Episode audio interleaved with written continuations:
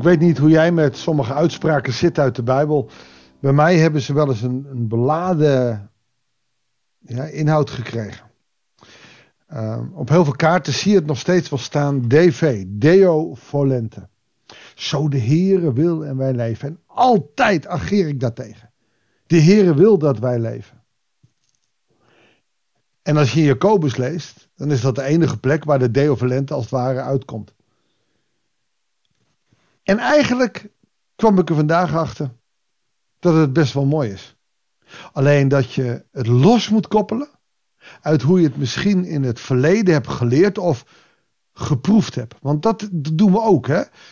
Ik, ik zeg niet dat de predikanten het vroeger verkeerd hebben gezegd, maar dat, dat het soms zo overkomt. Als ik op elke kaart zie, ook op, op prachtig mooie kaarten, Deo Valente, zo de Heere wil en wij leven. En ik kom ook uit een gebied waar veel uh, kerken waren die uh, zwaar op de hand was. Dat alles aan de wil van de Hemelse Vader.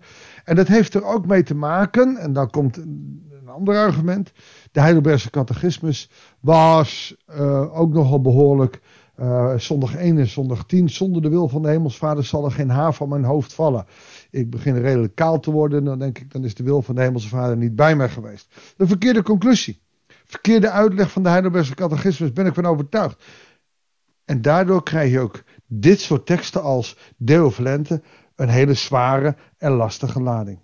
We gaan vandaag eens in Jacobus lezen om te kijken of we er wat anders uit kunnen halen. En of ik ook deze vers voor mij in ieder geval een tekst kan zijn waardoor ik dat wat makkelijker kan handelen. Want ik heb er altijd een hekel aan gehad. Het staat in de Bijbel, dus dan moet ik wat mee. Nou, hij staat op het programma. Dus laten we daar maar over na gaan denken.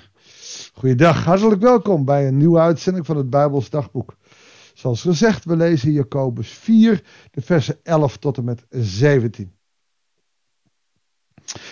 Staat, spreek geen kwaad van elkaar, broeders en zusters. Wie kwaad spreekt van een ander of een ander veroordeelt, spreekt kwaad van de wet en veroordeelt de wet. En als u de wet veroordeelt, handelt u niet naar de wet, maar treedt u op als rechter.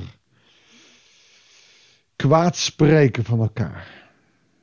Ja, daar hoort echt het roddelen bij. Heb je al gehoord dat? En wat vind jij er nou van dat hij en hij doet dit en dat? Dit kwaadspreken gebeurt vaker dan wij zouden willen.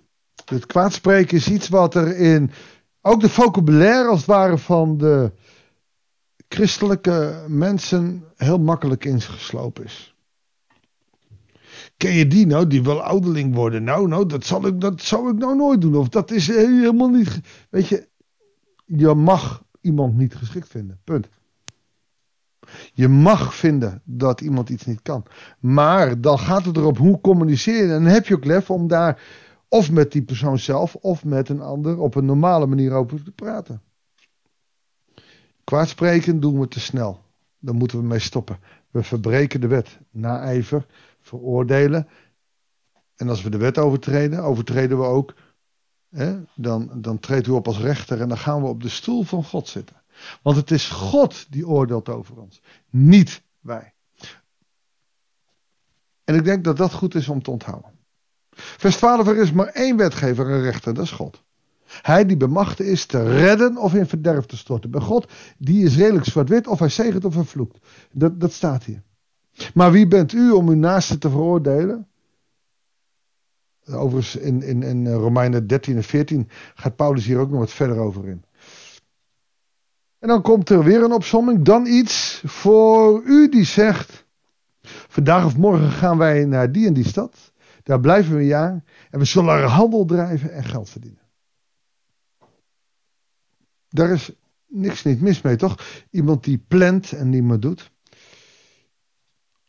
Ik moet ook plannen. Ik maak me afspraken. Wanneer ga ik naar het ziekenhuis? Wanneer ga ik daar een uh, bezoekje brengen? Wanneer maak ik mijn preek? Wanneer neem ik daar tijd voor? Op een of andere manier zit hier een andere toon in.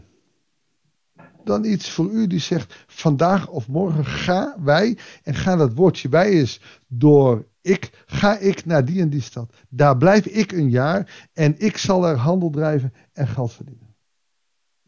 het woordje wij, wat ook over ons gaat en ik, uh, kan je veranderen in het woordje ik. En dan opeens komt er in die ene zin, hè, uh, morgen gaan wij, daar blijven we een jaar en we zullen er handel drijven en geld verdienen. Drie keer het woordje we en als je er ik van maakt, komt er drie keer het woordje ik in voor.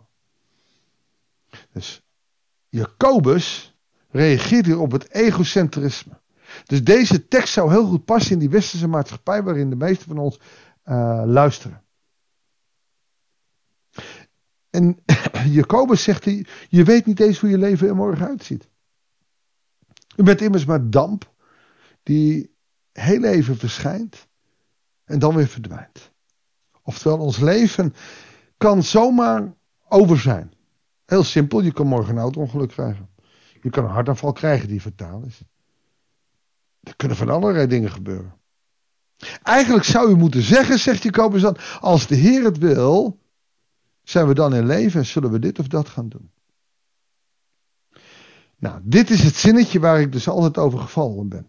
Maar als je dit zet in de context van de zin die er staat, van ik zal dit, ik zal dat, zo, gaat Jacobus ons die zegt, je moet veel meer afhankelijk zijn. Als de Heer het wil, dat betekent dat wij ons dagelijks leven de wil van de Hemelse Vader moeten zoeken. Wat is de wil van de Hemelse Vader? Als die er is dat we morgen naar die en die stad gaan. En dat we daar een ja blijven. En dat we daar handel drijven, geld verdienen. Dan is dat goed. We moeten veel bezig zijn met, met wat zou de Hemelse Vader willen. En niet wat ik, ik, ik, ik, ik. Hij reageert hier veel, heel erg op die ik-gerichtheid. U zou moeten zeggen, als de Heer het wil. Zijn we dan in leven en zullen we dan dit of dat doen? En dat is heel wat anders voor mij dan het deovalente. Zo de Heere wil en wij leven. Dat oude zinnetje, waarschijnlijk uit een oudere vertaling, is, is zo de Heere wil. Nou, de Heere wil wel dat wij leven. Alleen het gaat niet over de wil van de Hemelse Vader. Dat is bij zondag 1 en 10 staat het niet over wat hij wil, maar over wie hij is. Zonder dat God erbij is, zal er geen haar van mijn hoofd afvallen. Dat is heel wat anders dan zonder dat God het wil, zal er een haar op mijn hoofd afvallen. Want dan is mijn geloof dus veel te klein omdat er haren van mijn hoofd afvallen. Ja, in de natuurkunde of biologie weet je dat je haar regelmatig wisselt en dat er regelmatig haren van je hoofd afvallen. Dus daarin kan je en mag je het niet zoeken. Nee, als de Heer het wil of als Hij erbij is, dan gaat het dus niet om wat ik wil, maar we gaan daarheen.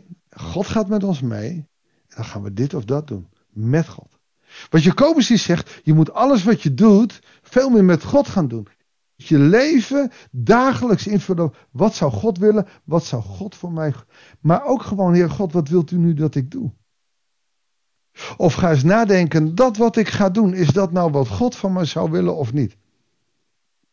Die vraag zouden we veel meer mee moeten werken dan alleen maar ik ga dit doen en ik ga dat doen en God geeft mij eh, verstand, dus ik ga dat gewoon doen. Ik zeg niet dat je het niet moet doen. Jacobus zegt niet dat je niet een jaar daarheen mag gaan om geld te verdienen. Maar wat Jacobus hier eigenlijk zegt, is, dat heeft heel veel te maken met wat uh, Paulus onder andere in Colossense 3 vers 23 zegt. En daar heb je hem weer. Mijn, uh, mijn stokpaardje. Doe alles wat u doet. Niet alsof het voor de mens is, maar voor de Heer. Wandel veel met de Heer. Jacobus, die duwt ons op het hart. Wandel met Jezus. Zorg dat de Heer in alles met je meegaat.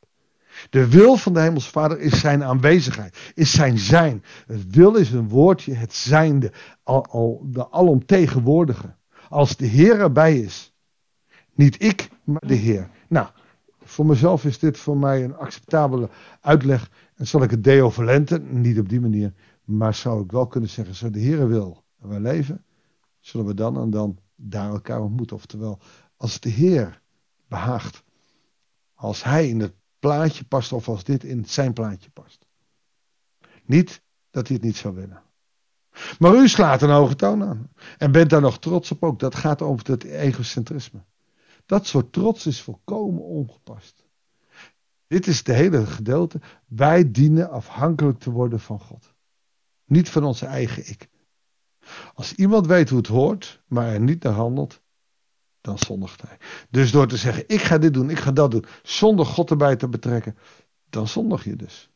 Dan mis je je doel. Mag ik voor je bidden? Heere God, zo staan we allemaal voor de keuzes van ons leven. Gaan we werken?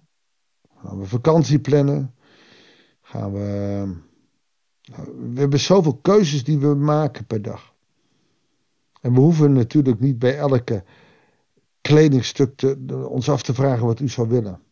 Maar wel, wat is het doel van ons leven? En als ik vandaag naar mijn werk ga, wat, wat zou God van mij willen? We zouden in ons leven veel meer met u moeten optrekken. En, en, en ook eens een keer niet alleen maar een jaar vooruit te plannen, maar gewoon bij de dag te leven.